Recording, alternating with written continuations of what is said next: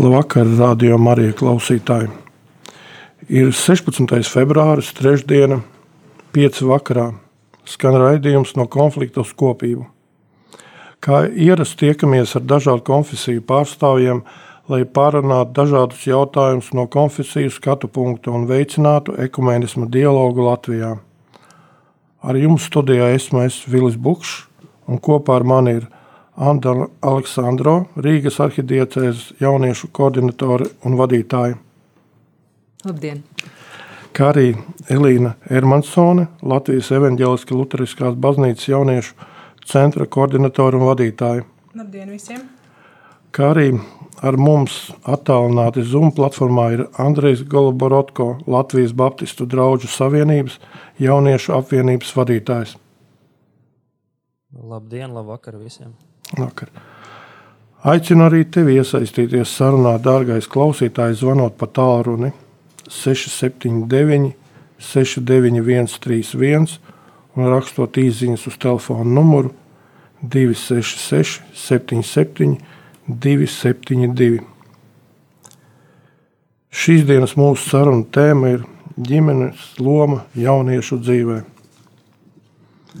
Kā pirmais jautājums, ir, kāda ir ģimenes nozīme jauniešu dzīvē un ko ģimene var darīt, lai vestu ticības ceļā jauniešus? Nu, grūti, protams, atbildēt šo jautājumu, jo pašai, nu, man pašai ir trīs bērni. Un es, protams, varētu gudri stāstīt par to, ko darīt, bet uh, realitātē, praksē jau tas nedarbojās tik labi, kā tas ir uh, rakstīts. Uh, bet, uh, manuprāt, tas atslēgas vārds ir mīlestība, vienkārši mīlestība. Un, uh, Un tas, ko es esmu pēdējos gados arī sapratusi, jo es esmu pati gājusi un klupus un kritus šajā jautājumā saistībā ar bērniem un ticības, nu, viņu vešanu ticībā, tad tas, ko es esmu sapratusi, ka ir vienkārši tas jādara viss ar mīlestību, ir jāmēģina iecināt ģimenē Dievs, kas tad arī tālāk visus tos procesus, teiksim, vada. Un galvenais ir jālūdz Dievam gudrību, kā tev rīkoties kā vecākam. Jo patiesībā nu, ar tām visām piespiešanas metodēm, ar, ar nu, teiksim, vest ar spēku svētdienās uz baznīcu jaunieti, tāpēc, ka tas ir jādara, tāpēc, ka tas ir obligāti vai likt lūgties.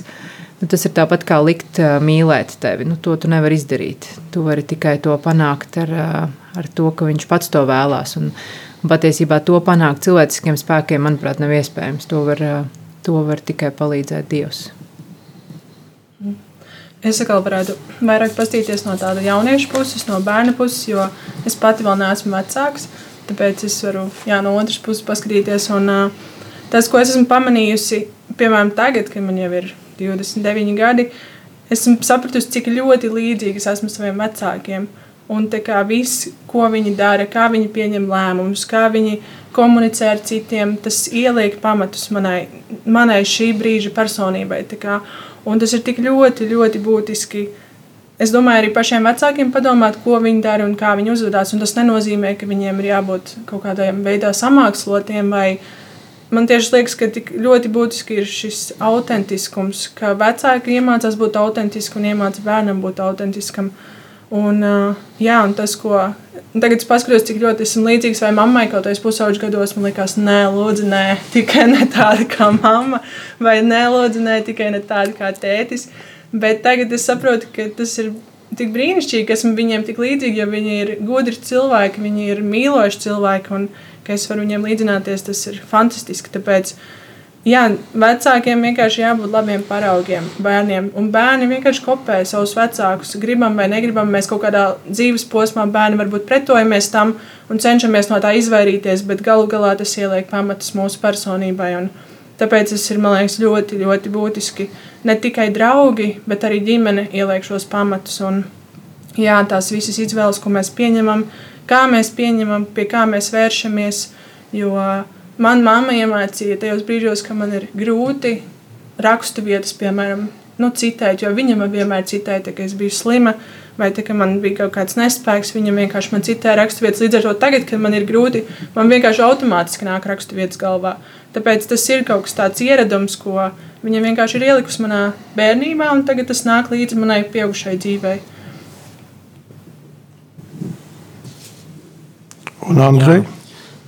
Jā, es klausos uh, Elīnā, un es uh, domāju, ka tā ir interesanti. Es paskatos uz sevi. Tagad man jau arī ir divi bērni, jā, vēl gan maziņi, es uh, tā bieži arī neklausīju vecākus pusauģu gados. Uh, bet ar visu to, tas, ka es publiski varbūt tās uh, pretojos tam, ko saka, es jau vienalga paņēmu to, ko viņi teica, un tagad es to dzīvē praktizēju lielā mērā.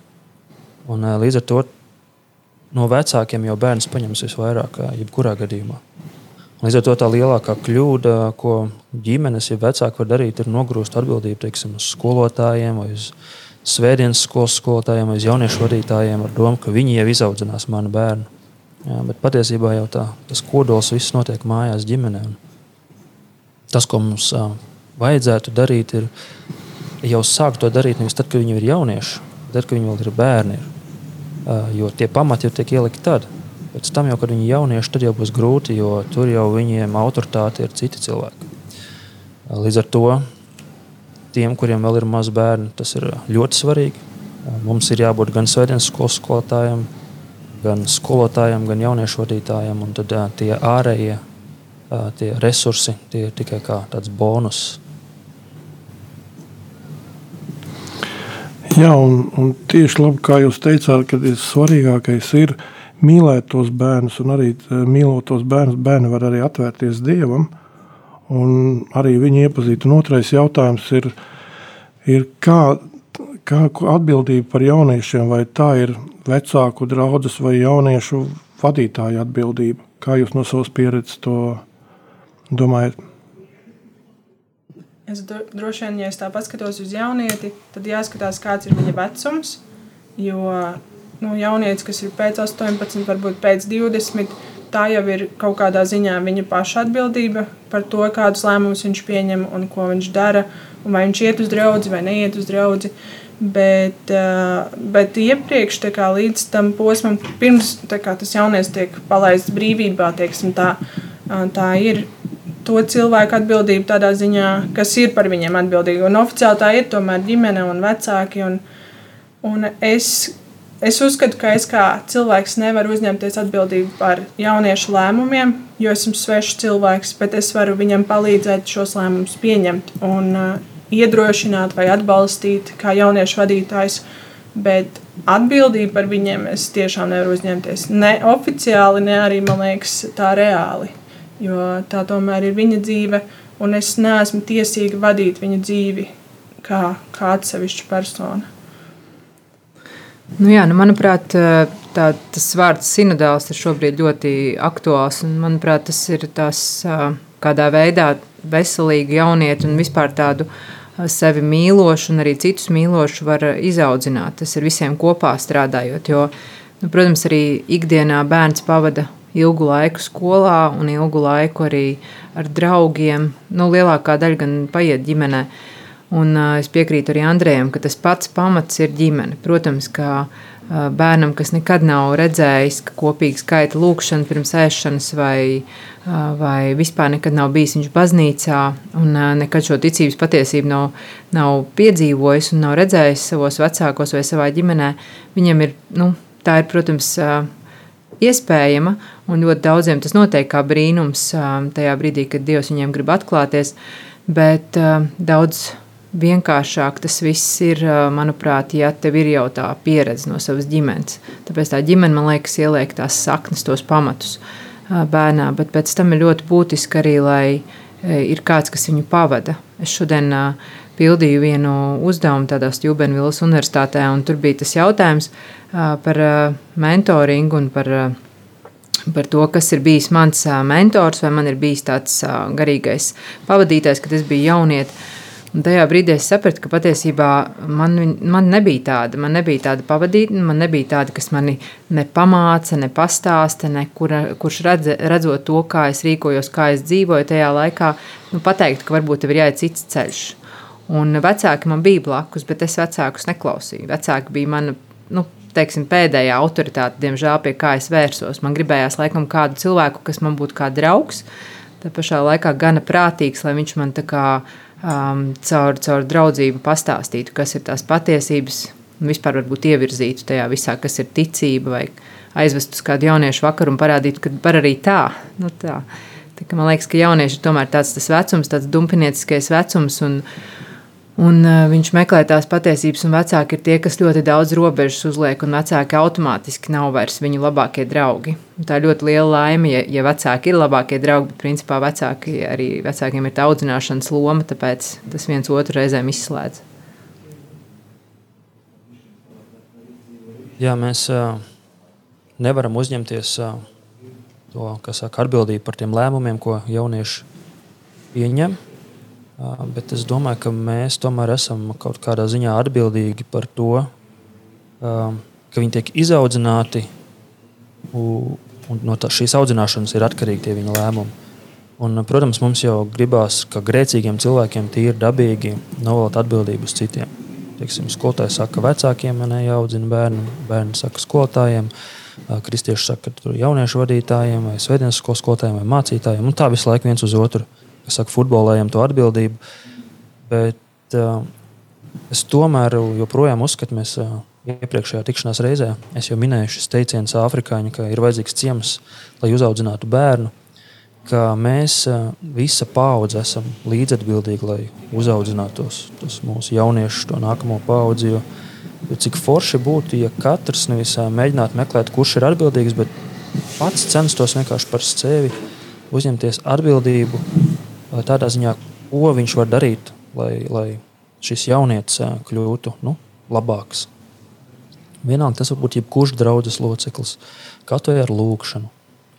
Tas var būt jebkurš, jebkurš nu, sabiedrības loceklis, jo mēs, mēs taču negribam dzīvot sabiedrībā, kur, kur ja kādam uz ielas ir kaut kas noticis, vispārējie paiet garām.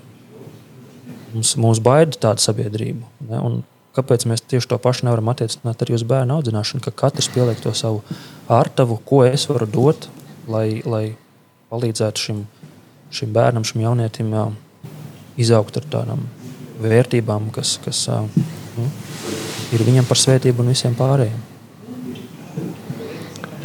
Man arī liekas, ka ir ļoti svarīgi, kā, te, kā teica arī Elīna, par šo ģimenes nozīmi jaun, jaunieši, lai, lai atvestu pie Dieva, bet arī, kā dzirdēju svētdienā, kā teica priesteris dievkalpojumā, ja nebūs bērnu baznīcā, tad kas būs pēc gadiem 20, 30? Un arī tas, cik, kā tikko arī Andrejs teica, ka ir, ir jābūt šī līdzatbildība tam visam, ja mēs strādājam kopā un katrs kaut, ka mums nav viena alga, tad arī viss notiksies. Ja mēs vienkārši ir, viss tas notiek formāli, bērns to jūt, to tieši to patiesību, viņš jūt, viņš jūt cilvēku sirdi, un, un tad arī ir rezultāts. Un kā loģisks ir trešais jautājums. Kā uzrunāt tos jauniešus, kuri ar vecākiem kopš bērnības ir bijuši baznīcā, bet tad viņu ticība ir atzīta, un tagad viņi vairs nepraktizē ticību.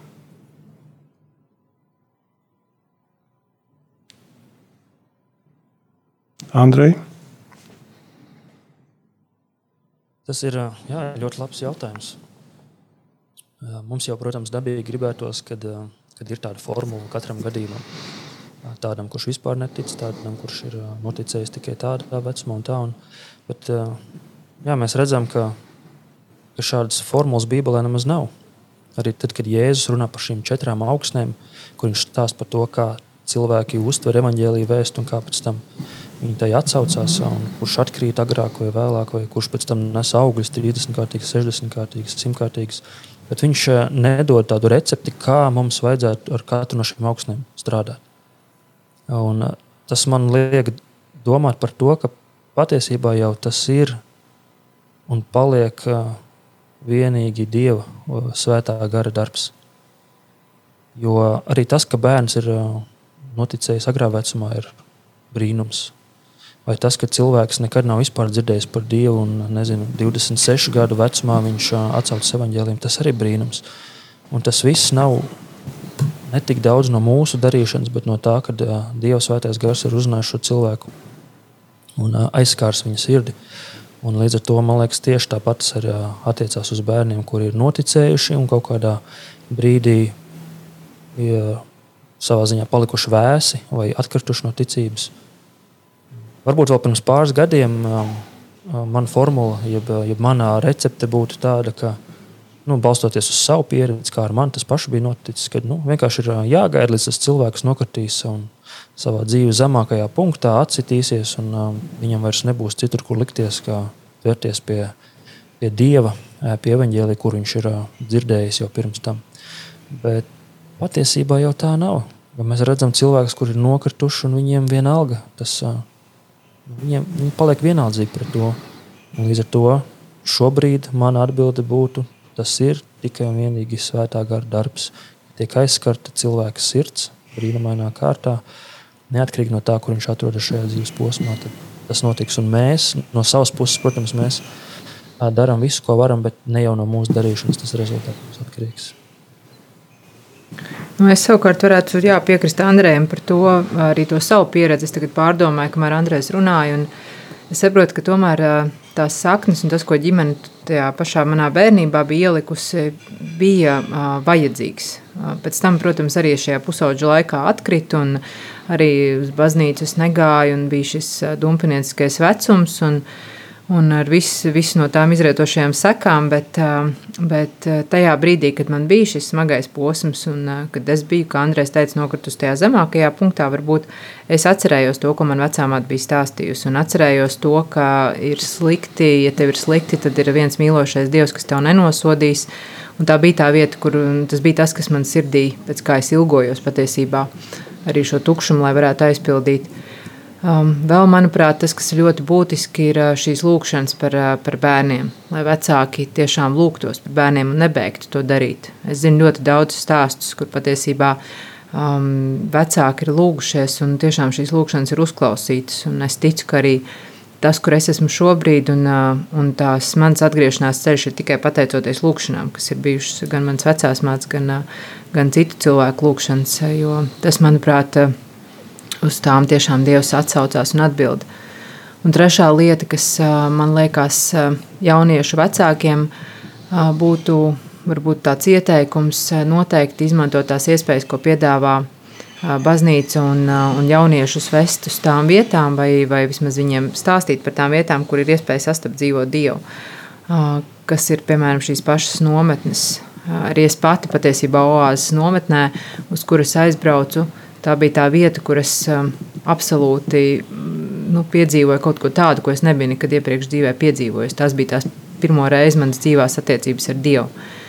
Es uz turieni braucu kā uz tādu, teiksim, vairāk atpūtas, izklaides vietu, kur būs iespēja padzīvoties, kur būs iespēja, jā, varbūt izbaudīt vasaru vairāk un, uh, un atpūsties, bet es nebiju gaidījis to, ka tik ļoti tuvu tur būs Dievs ka šīs visas dziedināšanas un visas šīs lietas, visas šīs sāpes, kas arī jauniešos patiesībā ir un kuras viņi nezina, kā, kā risināt. Jo arī es līdz galam nepiekritīšu, ka visi psihoterapeiti un psihologi var palīdzēt atrisināt tās dziļās sāpes, jo bieži vien tās sāpes var palīdzēt atrisināt tikai Dievs, jo tie ir tādi dziļi ievainojumi un, un, un tādas lietas, ko pats jaunietis pat neizprot, no kurienes tas ir.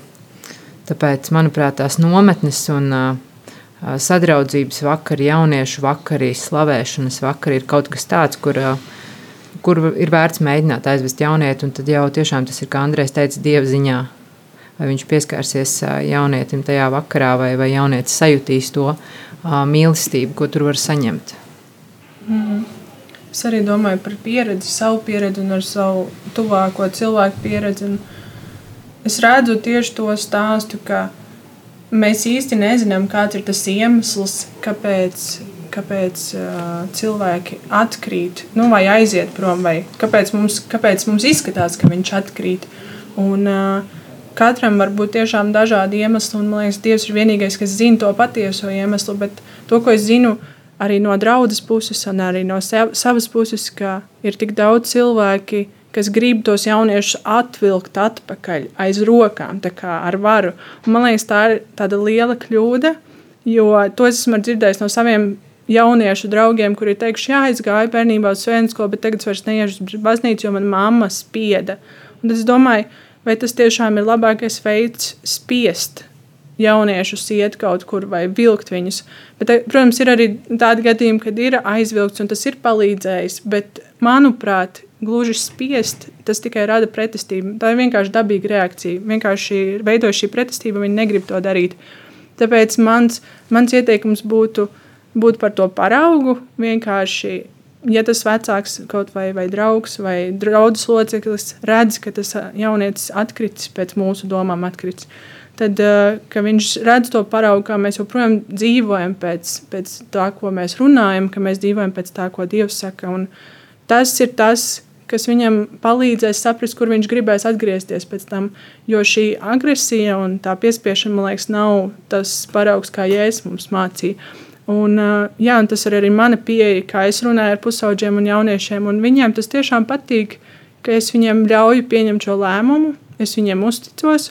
Un viņi, es, piemēram, mūsu jauniešu, manā draudzē, Jāņa draudzē, jaunieši notiek uz viņu lēmumu. Es saku, ja jūs gribat, Mēs izveidojam šo jauniešu grupu. Ja jūs gribat, mēs nākam kopā, satiekamies. Jūs negribat, mēs varam pārtraukt. Tā kā neviens nav spiests nākt. Un man katru reizi pārsteidz tas, ka viņi saka, ka viņi grib. Un man tas tā uzrunā, jo viņi saka, ka viņi grib, un viņi saka, ka mums jāturpina, mums jāturpina.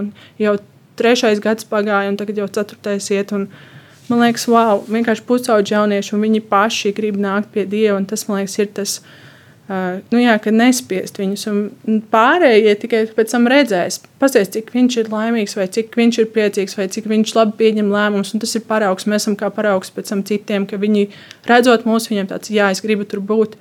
Un, un tas, man liekas, tā lielākā mācība ir tas, ko, kas man personīgi pēdējos gados ir īpaši uzrunājis, ir tā pazudušā dēla stāsts, ka tas tēvs jau neskrēja viņam pakaļ viņš iedeva viņam to mantojuma daļu un palaida. Un man liekas, kā? Es, es vienmēr esmu bijis tā, tā vecākā brāļa pusē, man liekas, kāpēc? Kāpēc viņš deva? Kāpēc? Man vienkārši visu laiku gribās tiesāt. Man liekas, nu, nu domāš, tas brālis, nu, kāpēc viņam ļauj vienkārši ieslēgt viņu mājās, lai viņš paliek. Bet tad, es, kad es pati nonācu tā pazudušā dēla lomā, tad es sapratu, cik liela mīlestība ir tajā, cik liela žēlastība ir Dievā, ka viņš tiešām piedod visu. Nu, ka viņš ir ka viņš tev mīl tik ļoti, un tas bija tas, kas mainīja manas domas. Tagad es vairs neskatos uz tiem cilvēkiem kā tas vecākais brālis, bet sāku skatīties ar to žēlstības skatījumu uz viņu. Un es zinu, ka gribās tiesāt bieži vien mums kā gudrajiem draudzes locekļiem, kas visu zina, kas daudz kam ir izgājuši cauri, gribās tiesāt tos jauniešus un gribās viņiem it kā palīdzēt, it kā mīlestībā, bet kaut kā tā diezgan agresīvi.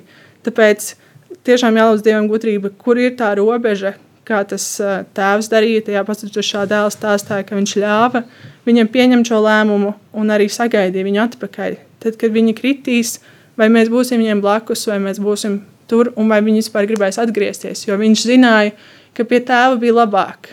Pat viņa pie tēva kalpa loma bija labāka nekā, nekā nu, pat, pat ja, ja viņš nesaņem šo dēlu lomu atpakaļ, viņš zina, ka pie tēva ir labāk.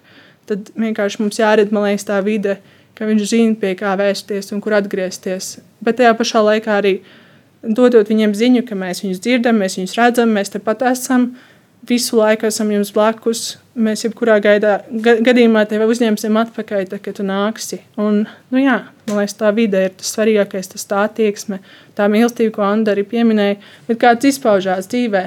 Citiem gribas tiesāt mīlot, Citiem gribas uh, uzklausīt, mīlot. Tāpēc jādomā, kā mēs rīkojamies ar to mīlestību. Jo dažreiz mēs savu to ticības, to ticības pieredzi mēs arī uzspiežam bērniem, bet pēc būtības cik svarīgi bērniem, ka viņi ir, ir satiekšos ticīgos draugus un arī no savas pieredzes zina, ka cik, lai ko arī bērns darītu, viņam ir svarīgi, ka un mamma viņu mīl. Un, un tieši arī Tanī brīdī arī no tās apziņas, kad uh, vecāki viņu mīl un uz tekošo brīdi viņš nav praktizējošs. Bet uh, viņam, kā arī sarunā, viņa, piemēram, ir tā, ka viņam šī ticība ir. Un, un vienkārši arī, kā jūs meitenes teicāt, cik svarīgi ir ļaut jaunietim pašam pieņemt lēmumus. Pieņemt lēmumu tajā brīdī, kad viņš ir pareizi un viņš, viņš vienkārši atgriezīsies atpakaļ. Un, uh, kā arī tas tēvs ļoti pati, labi Elīna teica, ja, viņš, viņš, gaidīja, viņš gaidīja, visu laiku gaidīja to pazudušo dēlu. Viņš bija priecīgs tajā brīdī, kad viņš nāca viņam pretī, ka viņš viņu ieraudzīja. Un ir, kā jūs kā arī Anna teica, ja, kad vienkārši, ja mēs lūgsimies par saviem, saviem bērniem, tad agri vai vēlu mūsu lūgšanas tiks uzklausīts. Nu jā, es vēl gribēju pieminēt, man atnāca prātā tāds piemērs, ka pēdējā, burtiski pēdējā pusgada laikā es arī biju pati tādā situācijā, kad es savā prātā, man bērnam bija sākušās tādas veselības problēmas, kas arī jau ir, nu, teiksim, pusauģu vecumā. Viņiem bija šī veģetatīvā distonija, par kuru Man sākumā, tā kā Elīna arī minēja, bija tāda ļoti nosodoša attieksme. Es principā uzskatīju, ka tā ir tāda izdomāta slimība un ka tas ir visiem cilvēkiem, kam, kam gribas vairāk atpūsties un pievērst savu uzmanību šī slimība.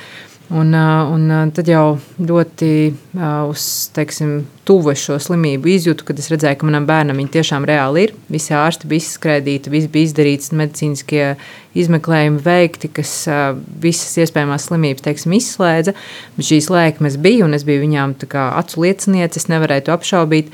Un tad šī diagnoze veģetatīvā distonija Un, protams, man ir žēl, ka es tikai tajā brīdī nolēmu lūgt arī dievam un, un jautāt viņam šo gudrību, kā rīkoties. Bet patiesībā pēc šīm lūkšanām, vairākām, kas bija, Dievs tiešām uzreiz atbildēja, jo sāka šīs lietas risināties tā, ka manam bērnam vienkārši atvērās sirds un viņi sāka ar mani runāt, kas bija patiesībā ilgu laiku.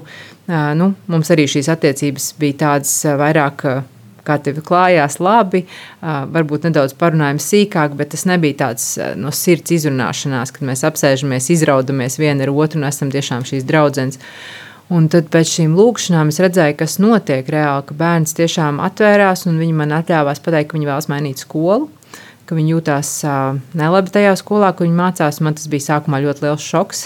Un es tiešām, uh, jo man likās, viss tik praktiski, skola ir tik tuvu, un mēs jau esam tur septītajā klasē, un, un nav nekāda racionāla iemesla to darīt. Bet šajā lūkšanā tiešām Dievs uh, nu, apstiprināja, ka tas varbūt ir veids, kas ir jādara. Un, un bija vairāk tādi apstiprinājumi, un uh, es patiesībā pret savu gribu tā teikt piekritu viņai un arī devu viņai šo izvēles iespēju. Viņa izvēlējās, jā, ka viņa to darīs, ka viņa mainīs, un pēc tam viņai ir jābrauc uz citu pilsētu ar autobusu. Tas viņai pašai sagādā problēmas. Viņa mainīja šo skolu, un tas, kas šobrīd ir noticis divus mēnešus vēlāk, es varu tikai slavēt Dievu katru dienu un pateikties viņam, jo tas bērns ir pilnīgi mainījies. Viņai pirmkārt šīs lēkmes vairs nav, viņai nav nekāda, vispār neviena, neviena diena nav bijis, nekādas sliktas pašsajūtas. Viņa ir starojoša, viņa ir atvērusies, viņa ir Viņa man šodien stāsta, viņa saka, māmu, mums tur puiši laiž pa priekšu. Nu, durvīs no sākuma meitenes iet, un tad iet puiši. Man palīdzēja viens puisis pacelt krēslu. Un, un viņai tas liekas kaut kas pārsteidzošs, kas, kam patiesībā būtu jābūt. Nu, um, nu, tā būtu jābūt vienkārši. Tā kā Dievs ļoti bieži arī vecākiem atver acis un palīdz ieraudzīt to patiesību, ko mēs vecāki bieži vien stūrgalvīgi negribam redzēt. Mani var dzirdēt? Jā. Jā, es nezinu, kas man nomutē, kurā brīdī. es vienkārši klausoties Elīnā pirmīt par to spiešanu, es atcerējos, ka savulaik viens mācīties no ASV teica, ka kad viņš saviem bērniem katru svētdienu iet uz dievkalpojumu, un arī tiem bērniem, kuriem īsti negribās, viņš teica, ka tā ir mūsu ģimenes vērtība, to mēs kā ģimene darām. Un jums jābūt katru svētdienu kopā ar mums. Tad, kad jums būs 18, jūs varēsiet to nedarīt, ja jūs gribat, bet tad mēs to darām kopā. Un vai tas ir pareizi vai nē, es nezinu. Bet es domāju, ka tur kaut kas tomēr ir. Jo ģimene jau ir tā, kas pie kaut kādām vērtībām savām pieturās. Var jau būt, ka teiksim, visi bērni nepiekrīt to, ka visai ģimenei būtu jāiet kopā, tur nezinu, vakariņas pie galda. Pat ja viņam tas nepatīk, viņš labāk gribētu savā istabā, tur telefonā sēdēt un ēst uh, savus vakariņus viens pats. Tomēr uh, pēc tam, pēc kāda laika viņi to novērtē, kad viņi to ir darījuši kopā kā ģimene. Un, uh, varbūt arī baznīcā iešana ir kaut kas tāds, ko ģimene kā vērtība var nodefinēt. Bērns vienalga grib vai negrib, bet tā, tas ir tas, ko ģimene dara. Protams, uh, grūtāk ir tām ģimenēm, kur abi vecāki nav ticīgi. Viens vecāks saka, ir jāiet, no otrs saka, kam. Droši vien tur ir grūtāk, bet es ceru, ka varbūt kādam vecākiem no klausītājiem šī, šī ideja var palīdzēt. Lai skan dziesma, paldies!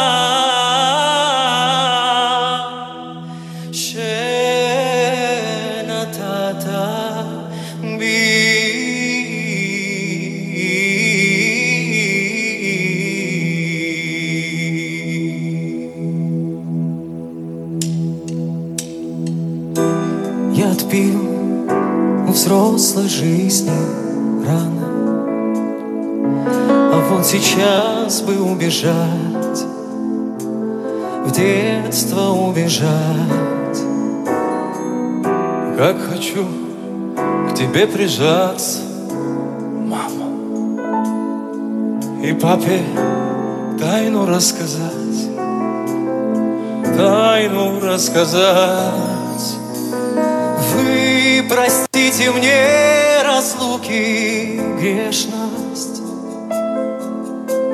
Время закрутило, занесло.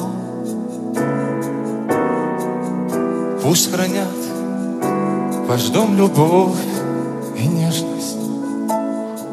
Они из детства моего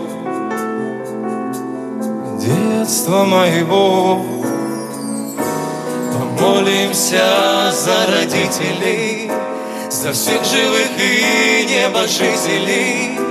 И в час, когда станет холодать, их души свечами согреть. Помолимся за родителей, ангелам нашим хранителям. Помолимся и когда-нибудь помолятся дети за нас. Я давно мудрее стал и старше. Но лишь сейчас одно постиг. Истину постиг. Дай вам Бог уйти минутой раньше. Своих детей давно седых. Нас давно седых вы простите мне разлуки грешность. Время закрутило, занесло. Пусть хранят ваш дом любовь и нежность.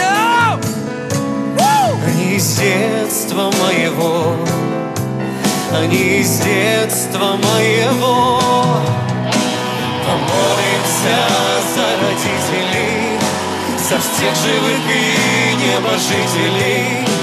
И в час, когда станет холодать, их души свечами согреть.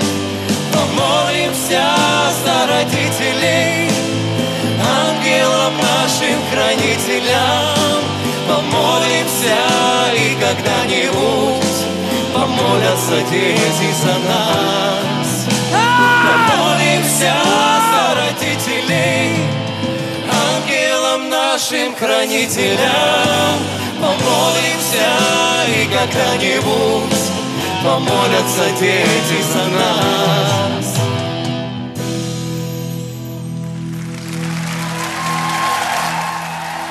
Помолимся и когда-нибудь помолятся дети за нас. Esam atpakaļ. Skan raidījums no konflikta uz kopību. Un šīs dienas saruna tēma ir ģimenes loma jauniešu dzīvē.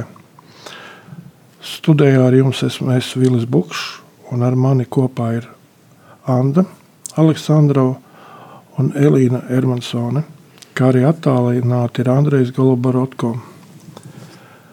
Paldies klausītājiem! Ir saņemts di divas izziņas.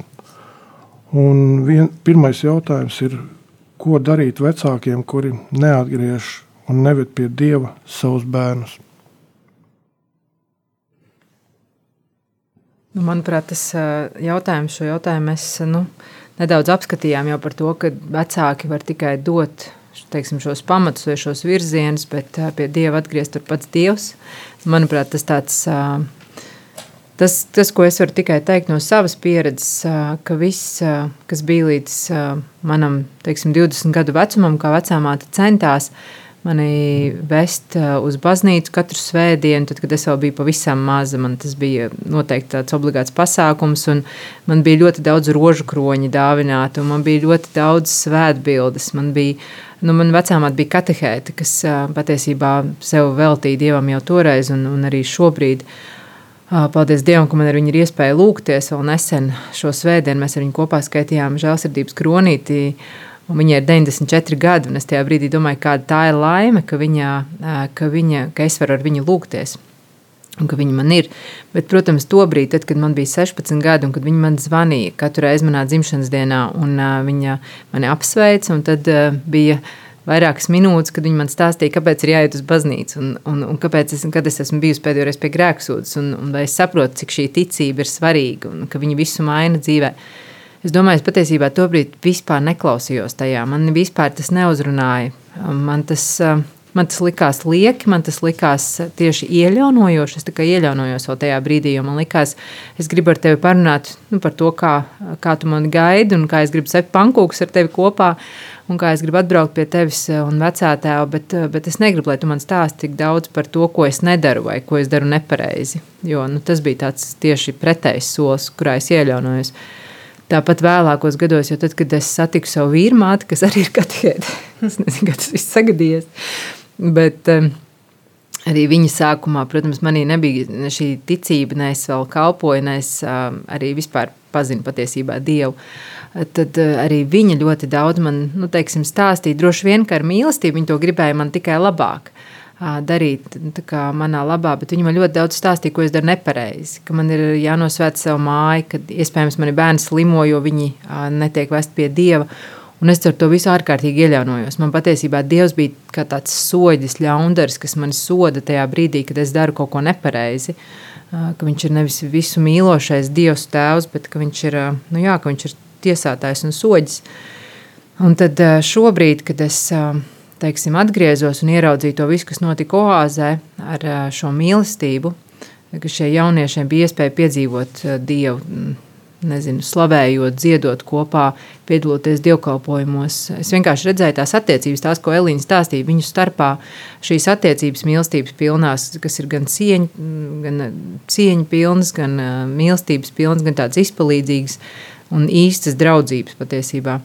Tad tajā brīdī tas man īstenībā uzrunāja visvairāk. Man gribējās būt tajā vidē, man gribējās būt ar šiem cilvēkiem. Es sāku redzēt, ka varbūt tie draugi, ar kuriem es biju pavadījis ļoti ilgu laiku kopā, un kas varbūt negāja gluži tajā gultnē, man, man ar vien mazāk gribējās ar viņiem būt. Man gribējās vairāk būt tieši ar šiem cilvēkiem. Un tā es lēnām, pamazām pārgāju gan šajā kristiešu sabiedrībā vairāk, un es vēl šodien domāju, cik Dievs daudz cilvēkus man ir dāvājis fantastisks apkārt pēdējo gadu laikā gan šajos svētceļojumos man pašai gribējās iet, bet man neviens nekad iepriekš nevarēja nu, aizvilkt uz turieni.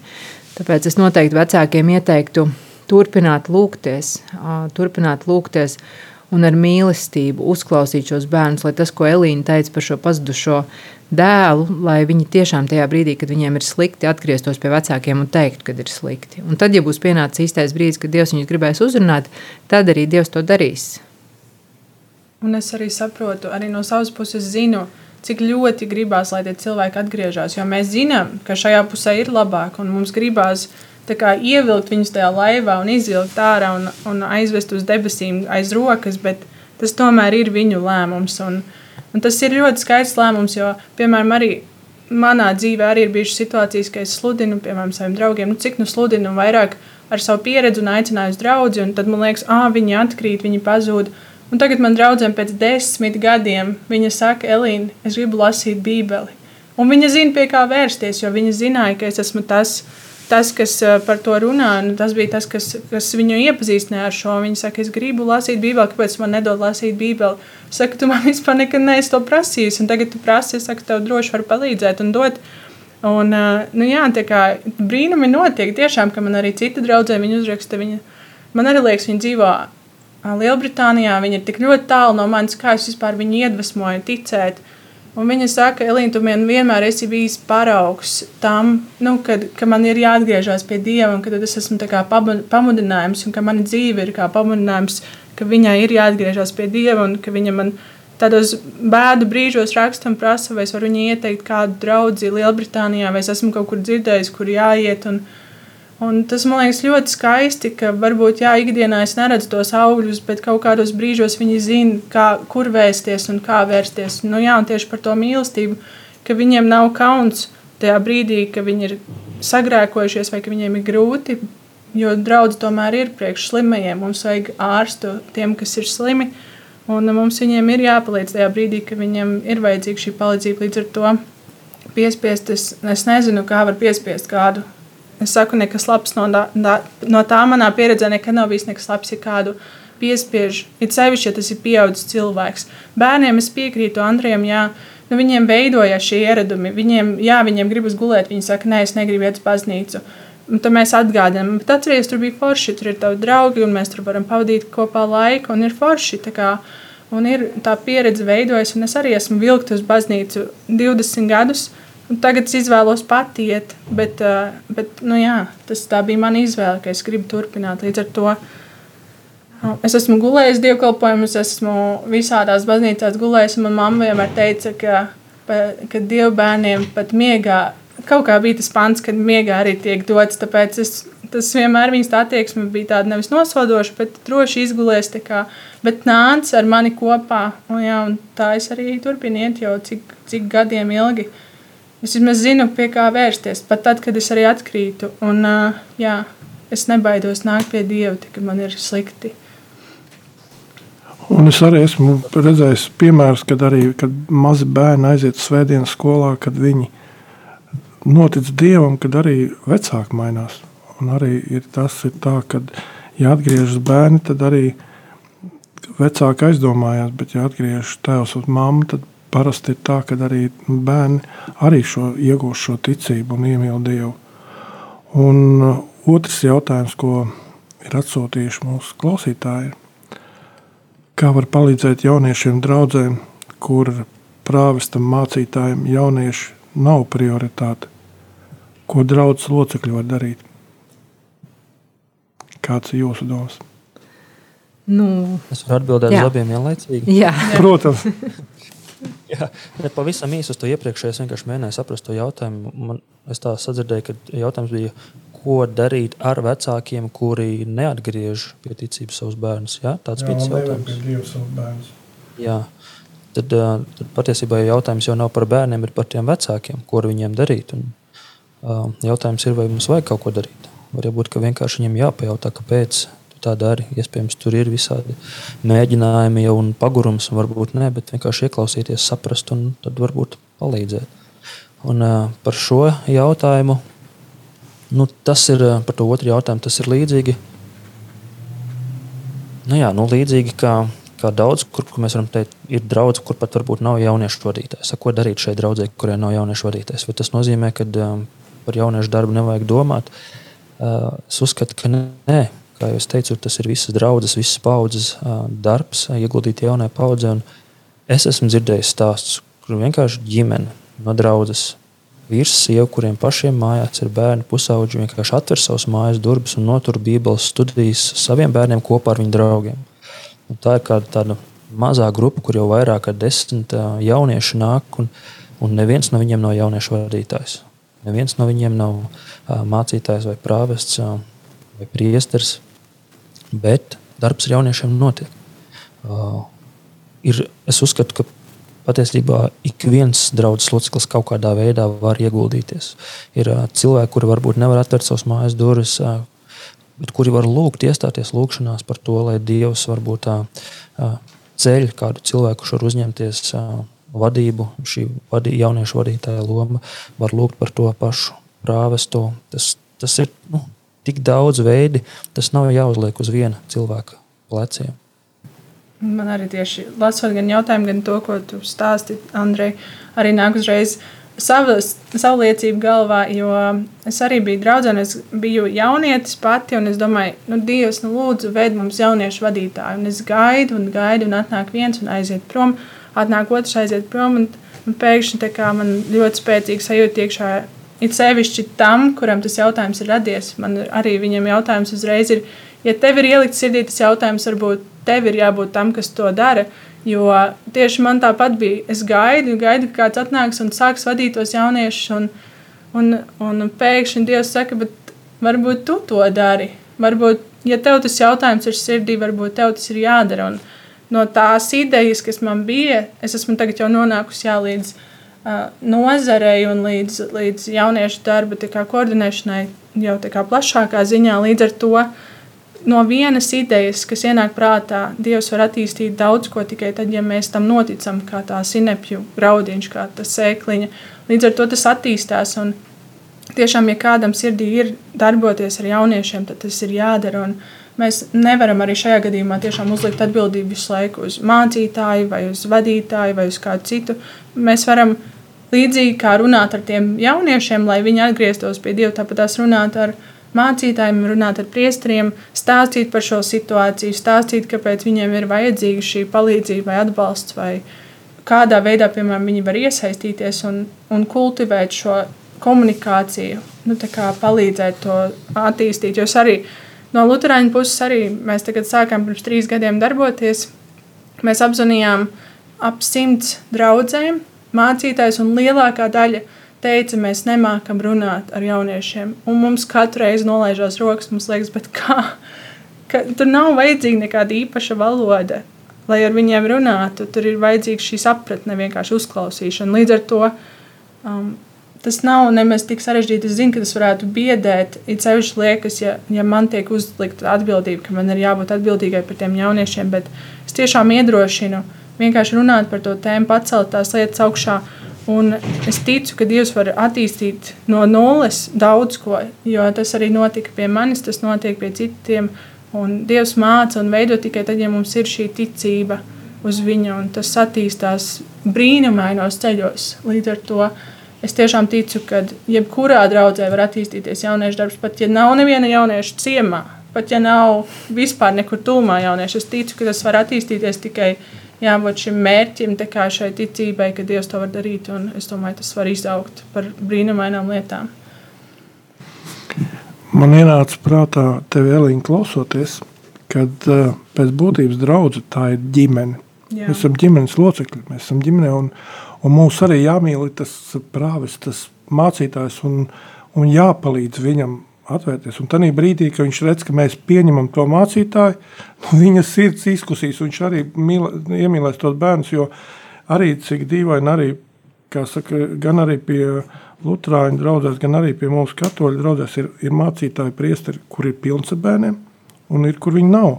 Un, un liela daļa ir tā, ka varbūt mēs arī novēršamies un nevedam tos bērnus, piemēram, kad ir tas mācītājs, priesteris bet vienkārši nu, ir šī kopējā komunikācija. Ja viņi notiek šī uzticēšanās, tad arī, ir, ir, arī viņam ir jāpalīdz ar tiem bērniem, jauniešiem pasākumus veidot, varbūt viņš to nemāk mums darīt. Nu, tieši tā, jo, jo es arī domāju, kāds brīnums tas ir, ka mēs ar Elīnu un Andrēju šobrīd esam satikušies, un tas viss jauniešu darbs, un šobrīd arī saruna par ģimenēm. Tas ir skaidrs, ka Dievam jau ir kaut kāds cits plāns, par kuru vēl varbūt mēs paši nenojaušam. Bet ko es esmu sapratuši šī gada laikā, kad es strādāju Katoļu baznīcā, kā arī kā jauniešu koordinātori, ka ļoti bieži cilvēki vienkārši baidās no lietām, ko viņi nezina, ko viņi nemāk, viņi nesaprot. Arī mēs bieži kā vecāki patiesībā šīs sarunas neuzsākam ar jauniešiem, jo mēs nezinām, kā par to runāt. Ar mums savā laikā varbūt vecāki nav par šīm tēmām runājuši, un mums šī izpratne ir tāda gaužām nu, neliela. Un šajā gadījumā, kad prāvestiem jaunieši nav prioritāte, Es arī ļoti, teiksim, sākotnēji es arī biju diezgan nosodošs pret šo jautājumu un domāju, jā, kādēļ šis jauniešu darbs nav tik populārs, kādēļ katrā baznīcā nav šie jauniešu nu, teiksim, jauniešu aktivitātes, netiek organizētas jauniešu alfas vai jauniešu vakari vai pārgājieni vai orientēšanās. Ir tik daudz iespējas, ko darīt. Bet eh, šobrīd es arī redzu to otru pusi, cik ļoti prāvest ir eh, noslogot ar daudziem citiem darbiem, sākot no apkuras jautājumiem, beidzot ar, nezinu, nu, ļoti daudziem jautājumiem, kas ir draudzē. Tāpēc es domāju, ka tieši šie draudzes locekļi ir tie, kas var to darīt un uzņemties šos kalpojumus, jo mēs katrs sirdī tiešām pajautāsim Dievam, kāds ir tas mūsu aicinājums, kādēļ mēs esam šajā draudzē, vai ko mēs varam šai draudzē dot, tad mēs kopā šī draudzene izaugs, viņa vienkārši plauks. Un, līdzīgi kā es nezinu, organizēt talkas baznīcā, kādreiz pajautāt vienkārši prāvestam, vai nevajadzētu palīdzēt, varbūt mēs varam iesaistīties. Un, un tā draudzene, jā, viņa tikai tādā veidā arī kalpojot, nu, veidojas kā ģimene. Tāpēc noteikti jā, vajag, vajag piedalīties tajā un palīdzēt un jautāt. Un, manuprāt, tas, ko mēs varam darīt, visi trīs, gan Andrēs, gan Elīna, gan es, vismaz šobrīd, kā es to redzu, ka mēs varam būt kā atbalsts šiem cilvēkiem, kas savukārt grib šo jauniešu darbu darīt. Mums ir ļoti daudz informācijas, daudz materiālu, daudz teiksim, resursu, ko mēs šobrīd arī apkopojam. Un mēs patiesībā gaidām šos līderus vai šos jauniešu vadītājus, kas ar mums sazināsies, Un mēs viņiem varam izstāstīt, organizēt apmācības, stāstīt, rādīt, dot, lai tiešām šis darbs notiktu, lai tas nebūtu tāds traucēklis. Tāda nezināšana, lai nebūtu traucēklis tam. Jā, un kā pēdējais jautājums ir, ir tieši turpinājums mūsu sarunai, kā ģimene var atbalstīt jaunieti un kā vajag komunicēt ar jauniešiem – kā palīdzēt, kā atrast viņiem ceļu pie Dieva? Nu, es atkal varētu paskatīties no jauniešu puses, tāpēc vecāki varbūt man nepiekritīs. Bet uh, man liekas, tik ļoti svarīgi ir tā, darīt tā, lai jaunietis justos uzklausīts. Pat ja, pat ja nepiekrīt, var nepiekrist. Tur jau tā lieta nav visam jāpiekrīt un nav, nav jāatbalsta jebkura izvēle, ko jaunietis izdara. Bet ir tik svarīgi, ka viņš zina, ka otra puse klausās. Jo man liekas, tas ir pusauģu vidū, man liekas, lielākais konfliktu cēlonis ir, tu mani nedzirdi, tu mani nesaproti. Un, un man liekas, ka es zinu, ka arī vecāki ir piekusuši un noguruši un cik var strīdēties, bet, bet pastāvēt tajā strīdā un arī pastāvēt tajās konflikta situācijās un atgriezties pie tā, ka, ka pateikt, es tevi dzirdu, es redzu tavu vajadzību, es tevi dzirdu, un varbūt pat palīdzēt viņam saprast, kas ir tā dziļākā vajadzība. Ka varbūt tā virsējā vajadzība ir tikai kaut kas tāds atspulgs, bet uh, galvenais ir jā, lai tā uzticība paliktu, ir vajadzīga, man liekas, tā sajūta, ka viņu sadzird. Un, uh, un es tā esmu darbojusies gan ar maziem bērniem, gan ar lielākiem bērniem, gan ar vecākiem bērniem. Un vienā brīdī viņi sāk stāstīt, kā Anna arī teica, tajā brīdī, kad viņi sajūtās sadzirdēti un saprasti, viņi sāk stāstīt, viņi sāk atklāt dziļākas lietas, kuras mēs pat nenojautām. Jo viņi, tik, viņi sāk uzticēties, jo tu klausies. Tu, tas ir tik svarīgi vienkārši klausīties. It kā elementāra lieta, bet man liekas, mūsdienās mēs nemākam klausīties. Mēs laikam stāstām savu pieredzi, mēs dodam pretī padomus, bet mēs nemākam tā patiesi klausīties. Un tas ir tas, ko es arī pati mācos, jo man gribās iedot tos padomus, man gribās pamācīt. Bet uzdot jautājumus, kā Jēzus arī darīja ar samarieti un, un citos piemēros. Viņš vienkārši uzdeva jautājumus, un tas cilvēks pats nonāk līdz atbildēji. Tā ir tāda māksla, bet tas man liekas, ir tik būtiski, bet grūti, ļoti grūti. Man nesanāk vienmēr, un uh, es ticu arī, ka tad, kad nav laika, un tad, kad ir tās dusmas apakšā, arī nesanāk. Un tad pasaka vecāks. Tāpēc, ka es tā teicu, tā ir, un viss. Un bērnam netiek atbildēts jautājums, kāpēc? Viņš jau nezina, viņam nav tā pieredze, kas ir man. Viņš nezina, kāpēc tā notiek, viņš nezina, kā līdz tam nonākt. Līdz ar to vienkārši mācīt tajās situācijās, atbildēt uz tiem jautājumiem, pat ja kaitina un ir grūti. Un, uh, pastāstīt arī, kādas ir sekas šiem lēmumiem, dot šos paraugus, piemērus. Un ar laiku, man liekas, viņi vienkārši paši sāk analizēt tās situācijas ar vien labāk un paši sāk pieņemt lēmumus ar vien labāk. Tāpēc jā, vienkārši iemācīties uzklausīt, un arī pēc tam, lai viņš pats analizē, ko viņš dara un kā viņš dara. Tas, tas palīdz man liekas, nākotnē arī nonākt pie lēmumiem pareiziem. Man savukārt, jā, tas, tas sasaistās ar tādu piemēru, kas bija reiz attēlots ar tādu krēslu vai ķebli, kur ir šīs četras kājas, un tas, kā ģimene var rīkoties, vai lai šis krēsls stāvētu stabili, tad uh, bija četras lietas, ko, ģimenei, ko ģimene varētu darīt. Arī lai bērnu vestu, varbūt tuvāk dievam, un arī lai ticībai, tajā ticības ceļā vestu. Bija, pirmais bija jā, šī, šī lūkšana kopējā, kas ir, nu, kas ir tāds pamatu pamats, manuprāt, un, un ja pat šis bērns sākumā pretojās, tad uh, es varu teikt no savas pieredzes, ka kopš mēs sākām kopīgi lūgties ģimenē, tas ir nesis milzīgu svētību. Un tajā brīdī, kad šie bērni sāk atvērties, viņi patiesībā viņi jūt, ka arī par viņu draugiem mēs varam palūkties, vai mēs varam palūkties par kādu, kurš ir nelaimē nokļūst. Tas viņos uh, rada šo empātiju pret citiem. Viņi vispār domā par to, kā ir, uh, kā, kā ir citiem, ka mēs varam viņiem ar lūkšanu palīdzēt. Un ir, ir bijis reizes, kad bērns vienkārši sēž un viņam mēs parasti sākam ar pateicību, par ko mēs katrs esam pateicīgi šajā dienā, un pēc tam ir šī lūkšana, par ko mēs lūksimies. Un ir reizes, kad bērns saka, nu, man nav par ko pateikties. Nu, tad mēs arī viņam ļaujam izdzīvot šo sajūtu un, un pasaucam varbūt kādus piemērus par to, ka tev ir kājas vai rokas, par to, ka mums ir ko ēst, un viņš arvien vairāk sāk domāt par to. Tad otrs pēc šīs lūkšanas ir šī, um, šī kalpošana, kas arī ļoti tuvina ģimeni, ja mēs spējam palīdzēt kādam citam. Un tam nav jābūt tādam nu, redzamam, teiksim, draudzē vai obligāti. Vai mēs varam arī kalpot un palīdzēt savam tuvākajam, aizbraukt pie vecās mātes svētdienā un apciemot viņu vai, vai darīt kādas kopējas lietas, bet ģimenei kopā to darīt. Tad trešā lieta bija šī sadraudzība, ka pašai ģimenei ir jābūt kopīgi. Jāveic gan šie, gan šie kopīgie pasākumi, ko mēs varam kopīgi darīt, gan ģimenes sadraudzība. Mums bija tāds viens hackathons internetā, ko mēs, ko mēs organizējām. Un jauniešiem jautājām par to, kā viņa attiecības ģimenē redz, kā varētu uzlabot. Un tas, ko jaunieši atbildēja, viņi teica, mēs gribētu ar, nu, ar tēti un māmu pasēdēt pie galda un paēst kopīgi pusdienas vienreiz un parunāt. Uh, vai mēs gribētu aizbraukt kaut kādā izbraucienā. Tas viņiem ir ārkārtīgi svarīgi. Un tad pēdējais jautājums bija par šo mācīšanos, jā, kopīgi mācīties. Jo vecākiem arī ir jāatzīst, ka viņi daudzas lietas patiesībā nezina un ir jāmācās kopīgi ar šo jaunieti, jāskatās. Un, ja jaunietis saka, ka viņam ir ielikās, ka viņam ir ļoti grūti skolā, tad ir varbūt jāsāk lasīt par to, kas ir mobbings un kas vispār skolās notiek, un jāmēģina viņam palīdzēt. Vai ja jaunietis runā par šīm identitātes problēmām un saka, ka viņš ka viņa draugi, nezinu, vai šaubās, vai internetā ļoti daudz informācijas par identitāti, par to, ka šobrīd ir tāds liels sajukums, tad vecākiem varbūt ir jāsāk jāmeklēt šīs atbildes un jāpalīdz viņam, bet ne, nu, nenosodīt, līdzīgi kā Elīna teica. Es savukārt joprojām atceros kādu teicienu, ko es savulaik mācoties Baltijas pastorālajā institūtā dzirdēju, ka mēs varam atstāt ietekmes cilvēkiem nu, tādā veidā, ka 10% tas, ko mēs sakām, 30% tas, ko mēs darām, un 60% tas, kas mēs esam.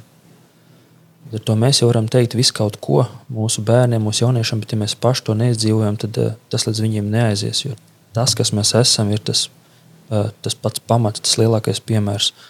Līdz ar to man tā atbilde būtu, ka iespējams mums pirmām kārtām ir jānodarbo, nav jānodarbojas ar mūsu bērnu un jauniešu svētumu, bet ar mūsu pašu svētumu. Un vēl nobeigumā, cik svarīgi ir tas bērniem sajust, kad mēs vecāki viņus mīlam, un ka, viņi, kad viņi zina, lai kas arī notika, ka mēs mīlam un atbalstīsim viņu tad arī viņiem būs šīs vieglāk arī uzticēties Dievam. Un šī, kā arī teica, jūs teicāt, arī šī kopā būšana un šī vienkārši mīlam savus bērnus, un viņi vienkārši arī atradīs ceļu pie Dieva. Tiešām liels paldies par to, ka jūs bijāt šeit, šajā raidījumā, un kā nobeigumā, lai skan dziesma.